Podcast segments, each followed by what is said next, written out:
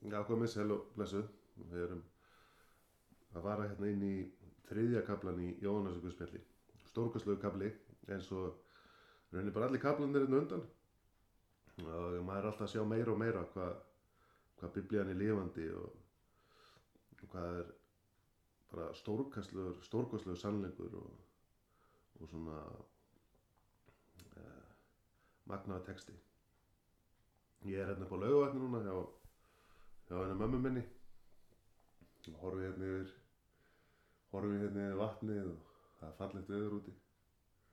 Sólinn brist í gegnum skíin og, og lýsir upp mósvelli sem ég sé hérna handan við vatnið og, og síðan er lögarsfjall hérna í bakgarðinum svo að segja.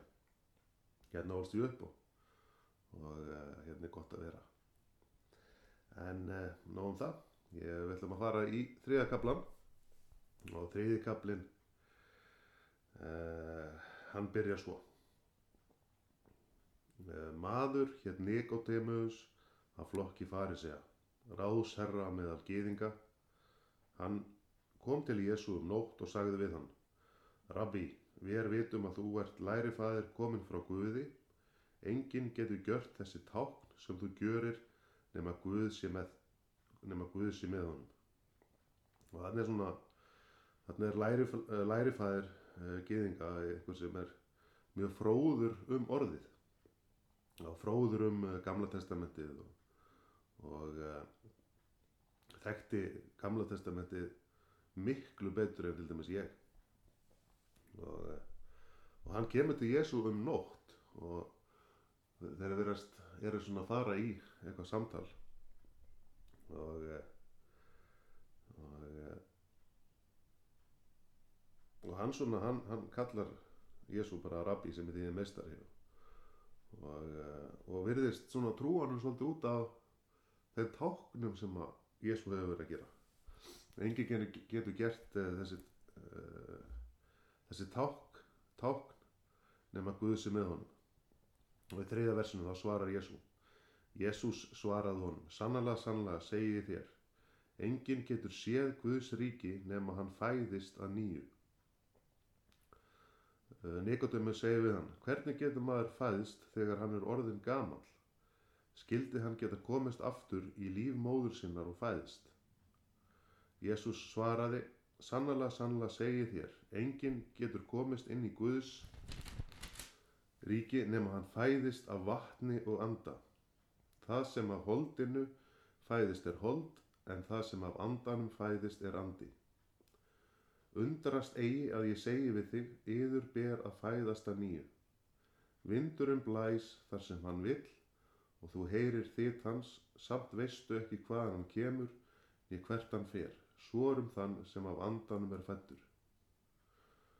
Og þarna er Jésúrunni að segja honum að það sé ekki nóg að, að vera bara lærifæðir og uh, þekkja uh, gamla testamentið og vera fróður í orðinu. Og, og hann er að segja honum að hann þurfi að fæðast að nýju til þess bæði að sjá Guðs ríkið og uh, til þess að komast inn í Guðs ríkið. Og Nikodemus er svona svolítið hissað þessu og, og en Jésu, uh, heldur áfram hér. Og þetta er líka svolítið skemmtilegt versiðna með vindurum blæs þar sem hann vil og þú heyrir þitt hans. Samt veistu ekki hvaðan hann kemur niður hvert hann fer. Svorum þann sem á andanum er fættur og stundum er þetta svona eins og maður stendur úti kannski á haustinn og maður heyrir vindin kvíslast í trjánum. Og maður finnur kannski aðeins fyrir honum en það er erfitt að útskýra það. Svona hvernig andi Guðs er og hvernig tilfinning það er að, að vera, verða fyrir áruðum af, af, af Guði. Uh, en svo er hér í nýjunda versi höldum áfram, þá spurði Nikodemus eftir að Jésu var búin að segja þetta hvernig má þetta verða? Jésús svaraði honum þú ert lærifæðir í Ísrael og veist ekki þetta. Sannlega, sannlega, segi þér Við er tölum um það sem við þekkjum og vittnum um það sem við höfum séð. En þér takið ekki á móti. vittnisspörðu vorum. Ef þér trúið eigi þegar ég ræði við yður jarnesk efni, hvernig skilduð þér þá trúa er ég ræði við yður him, um hinn himnesku? Engin hefur stíð upp til himins nema sá er steig niður frá himni, mannsónurinn. Og, og þarna heldur Jésu áfram að, að svona, já svona í að því að það, það þurfi meira heldur en að vera bara með svona þekkingu í höfðinu, heldur þurfum við að þurfum við að já, fæðast í anda og, og jarneskefni og himneskefni við erum búin að fara svolítið inn í, í fyrstu köflunum svona kannski hvað eru jarneskefni og himneskefni og þegar við lesum biblíuna þá þurfum við svolítið að sjá líka himneska þáttin í þessu eins og til dæmis með það sem að mustrið var. Þegar Jésu er að er að hérna, kasta öll út úr musturinu og, tala um að reysa það við á, á þriðja degi. Og svona jarnest séð þá sjáum við kannski engungu fyrir okkur bara svona venjulegt musteri þar sem að vera kast út. Og en þegar við horfum á það svona himnest að þá getum við séð að við þurfum líka að reynsa úr okkar hjörtum og, og þar sem við verðum musteri Guðs. Og eftir þetta þá kemur Jésu og hann, hann svona er kannski að reyna hjálpunum vegna þess að, að uh, hann var lærifæðir og átt að þekka gamla testamenti svo í næsta versi þá vittnar Jésu í gamla testamenti til þess að hjálpa Nikodemus og hann segir í 14. versi og eins og Mósi hóf upp höggormin í eðmörkinni þannig á mannsónurinn að verða upp hafinn svo að hver sem trúi hafi eilift lífi í honum. Og þetta kannski svolítið svona þetta skilur kannski Nikodemus betur heldur við en þess að við höfum kannski ekki lesið mikið í gamla, gamla testamentinu og það er skrítið að sjá að, að Jésús sé líkt við upphafinn höggorm. En við skoðum uh, hvað er verið að vitna í þá er að vitna í í gamla testamentið og það er að vitna í fjörðum Mósebók 21.9 og það er sem sagt að komu svona höggormar inn í búðir Ísraelsmanna og, þið voru bytnir af höggormunum þá, þá dóðu þeir, þannig að hann var eitraður. En uh, Guður létt uh, Móse búa til svona eirorm eða bronsorm og hengja hann upp á svona uh, hengja hann upp á svona tré og, og þegar hann var lift upp og þá átti maður að horfa til ormsins og ef maður horfði á ormin þá var maður ekki þá dó maður ekki af bitinu. Og það eru fleiri tilvittnarnir síðan setna eins og í Galdabrifinu þriðakablaða sem að segir að Jésu hafi tekið á sig bölfunin og verið hengdur upp á tré. Og, og þetta er svona tákmynd upp á það að, að þeir sem voru bitnir af uh, höggorminum eða, eða eiturslöngunni eða, eða höggorminum segir hér að þeir áttu að horfa til ormsins og það var þeir heilir. Og nú er Jésús komin niður niður frá himni og hann hefur tekið á, á sig syndir okkar. Og við þurfum að horfa horfa til hans og, og, munu, og hafa trú á hann þá munum við hólpnir verða. Og það er kannski svolítið pælingar í þessu líka að, að, að það eru raunin við sem að syndir okkar, synd, syndir mínar og syndir þínar sem hafa krossfest Jésu sem að verður til þess að hann fór á krossin.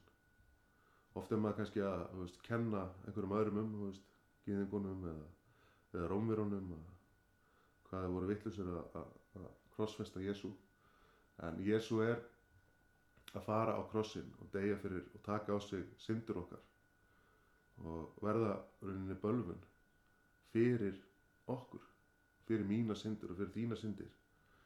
Og þegar við horfum á hann á krossinum og við trúum og þá áttum við okkur líka á það við þurfum að áttu okkur á því að, að það er okkar verk og okkar syndir og sem að valda því að hann er þar og við þurfum að trúa til þess að eignast eilitt líf. Og, og þetta er svona kannski svolítið yðurun líka. Að þegar maður sér að að syndir manns hafa, eru bannvænar eins og bit höggormsins í, í mósibókunum þá eru okkar syndir döðlegar það er valda döiða því að við við eignumst ekki eilitt líf, við erum fastir í syndum okkar og, og syndin leiðir ást við dauða. En við þurfum horfum til Jésu og við sjáum að það er okkar syndir sem að sem að hann er að taka á sig og þá erum við að horfast í augu okkur sjálf. Og erum að horfast í augu við syndur okkar og yðrun þýðir að snúa við, snúa af bröndinni. Við horfum til hans og við finnum í hjart okkar yðrun og, og yðrunar anda og yðrunar andi er sá andi sem að fær mann til að snúa af bröndinni og, og fylgja Jésu en höldum áfram. Uh, í 16. versi segir svo því svo elskaði Guð heiminn að hann gaf són sinn eingetinn til þess að hver sem á hann trúir glatist ekki heldur hafi eilitt líf. Guð sendi ekki sónin í heiminn til að dæma heiminn heldur að heimurinn skildi frelsast fyrir hann. Svo Guð sendi Jésu svo að við getum frelsast undan syndum okkar og svo að við getum eignast eilitt líf í honum. Og þetta er oft, þetta 16. vers er oft kallað svona litla biblían. Þetta er svona oft vitnað í þetta, þetta er mjög fallet vers og maður sé líka bara hjarta Guðs að hérna, veist, það sem Jésu gerði veist, hann, hann tók á sig veist, að taka á sig þessar syndir er, er svo rosalega stórt. Þetta er, þetta er ekki, við sjáum kannski líkamlu hliðina, hann var lamin og pindur og hættur og hann hanga á kross. En það er rauninni minnsti parturinn af kvölunum hjá Jésu en þess að Jésu hafði alltaf verið eins og segir upp að það var orðið orðið fyrir var ekki Guð, orðið var Guð að Jésu og Guð Guð fæðir þeirra alltaf verið eitt. En þegar syndin kemur og Jésu tekur á sig syndin á krossum þá kemur aðskilnaður milli Jésu og, og Guðs fæðir í fyrsta sinn. Það er þessi djúpa kvöl sem að syndin, þegar Jésu tók syndina, syndina á sig þessi aðskilnaði sem kemur þar. En hann fer út að hann var syndlaus hann sigur að dauðan og stýgur aftur upp til heimins og gefur okkur þannig leið til Guðs líka, Guðs föðurs og hvað er vera komin, við erum hérna í 17. versi að Guð sendi ekki sónin í heiminn til að dæma heiminn heldur að heimurinn skildi frelsast fyrir hann sá sem trúur á hann dæmist ekki sá sem trúur ekki er þegar dæmdur því að hann hefur ekki trúað á nafn Guðssonar hins eina. En þessi dómurinn, ljósið er komið í heiminn, en menn elskuðu myrkrið fremur en ljósið, því að verk þeirra voru vond. Hver sem illt gjörir hatar ljósið og kemur ekki til ljósins, svo verk hans verði ekki uppvís. En sá sem yfkar sannleikan kemur til ljósins, svo augljóst verði að verk hans eru í Guði gjörð. Og, og þarna er, svona já, ef maður er, þú veist, ef maður er eiga fel eitthvað, ef maður er með ílt hjarta, þá vil maður ekki að, maður vil ekki að það ofinberist og þess vegna kemur maður ekki til ljósins. En við höfum öll syngað og, og við þurfum öll að, að horfast í augu við Jésu og, og, og horfast í augu við hver við erum og hvað við höfum verið að gera og hvert leið okkar eh, að leið okkar hefur verið glötunar vegurinn en þegar við horfumst í augu við, við Jésu horfumst í augu við okkur sjálf og snúum að brautunum þá leifum við ljósunum að lýsa upp myrkrið í lífunum okkar, líf, líf okkar en í 20. öðru versi höldum við fram eftir þetta fór Jésu og lærisönnum hans út í Júdeu héruð þú ert aldist hann með þeim og skýrði Jóhannes var líka að skýra í Aínon nálagt Salím en þar, voru, þar var mikið vatn. Menn komu þangað og letu skýrast, þá var ekki enn búið að varpa Jóhannes í fangilsi. Jóhannes var setna síðan varpað í fangilsi og hann var afhauðaður. Eh, nú er, það, nú er deila um hreinsun á milli lærisveina Jóhannesar og Gýðings eins. Þeir komu til Jóhannesar og sögðu við hann, Rabbi, sá sem var hér, sá sem var hjá þér handan við Jórdan og þú barst vittnu um, hann er að skýra og allir koma til hans. Jóhannes svaraði þeim, Engin getur tekið neitt nema honum sé gefið það af himni. Þeir sjálfur vittnuð um að ég sagði, ég er ekki Kristur, heldur er ég sendur og undan honum. Sá er brúðguminn sem á brúðina. En vinur brúðgumans sem stendur hjá og hlýðir á hann, gleðs mjög við röttu hans. Þessi gleði er nú mína fullu, hann á að vaksa en ég að minka.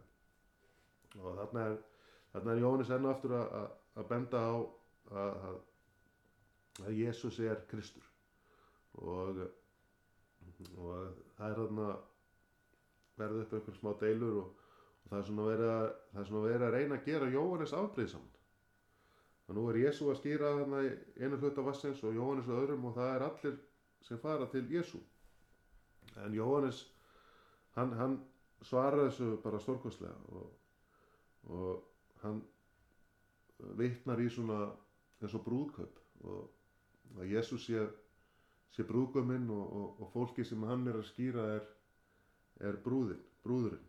En hann sé svona eins og vinur brúðgumans og, hann heyri röddu brúðgumans eins og eins og eins og vinur þá, þá gleðst hann í hjarta, hann samgleðst. Og þess að hann sér að, að fólkið er að horfast í augu við sig og það er að, það er að taka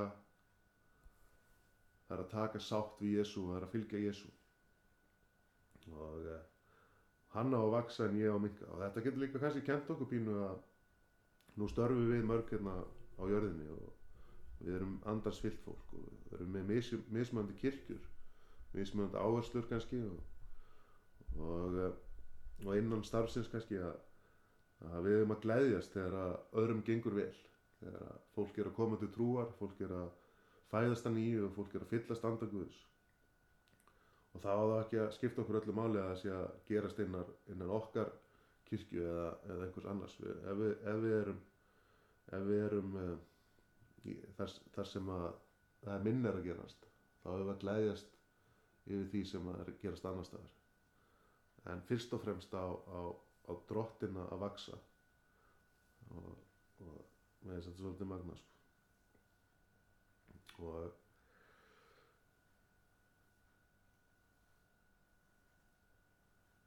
en svona er þetta? Halleluja Jésús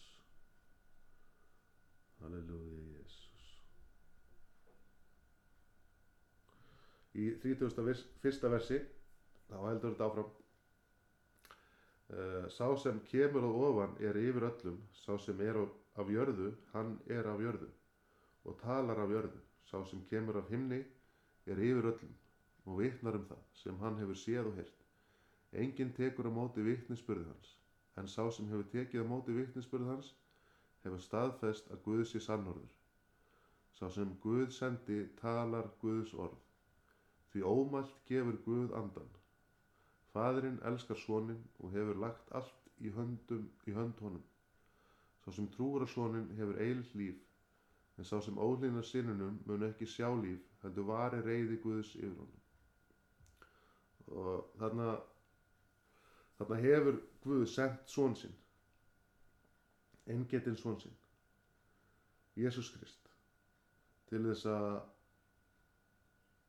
vera okkur eilitt líf og frelsum og til þess að taka á sig synd heimsins og það sem segir hérna það sem segir hérna að reyði Guðs varjum ég er svona, svona pínu erfitt með að reyði, reyði Guðs. Ég er að Guð reyðir það, það, það hryggir hjarta Guðs að við tökum ekki móti fagnar erindinu því að hann hefur gefið okkur leiðuna hann hefur sínt okkur veginn. Hann hefur sendt svon sinn til þess að verða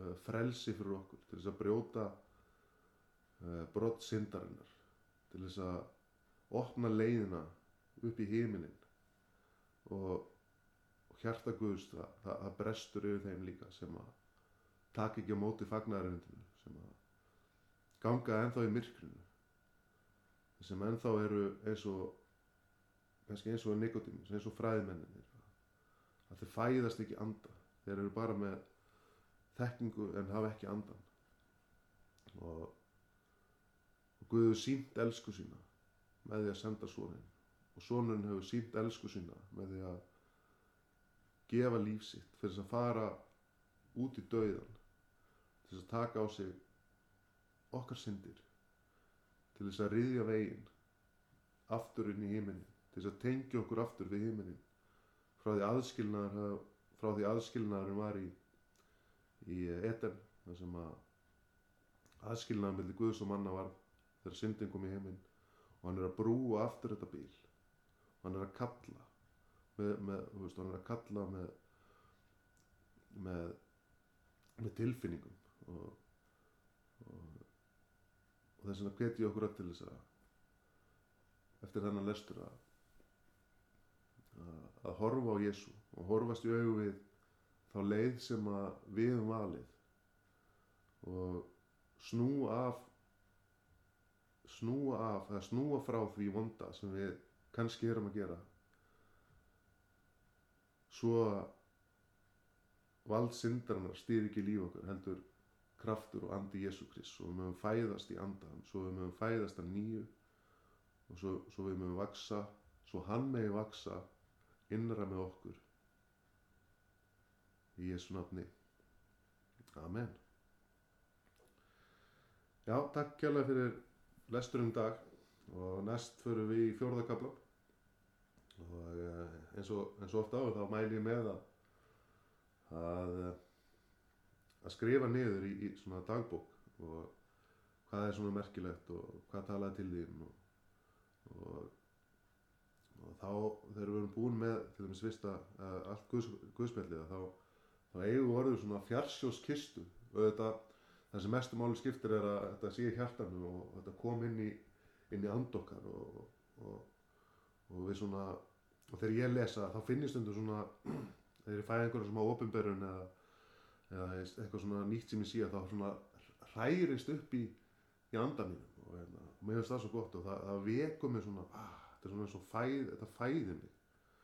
Og, og síðan að það sem við lærum og það förum við með inn í, inn í lífið okkar. Og við förum að við förum að finna hvernig andin starfar í okkur og, og, og, og við verðum svona eins og sá sem að andanum er fættur að við verðum svona hvar sem við komum að þá finnur fólk fyrir okkur og, og heyrir þýtt okkar þýtt andans.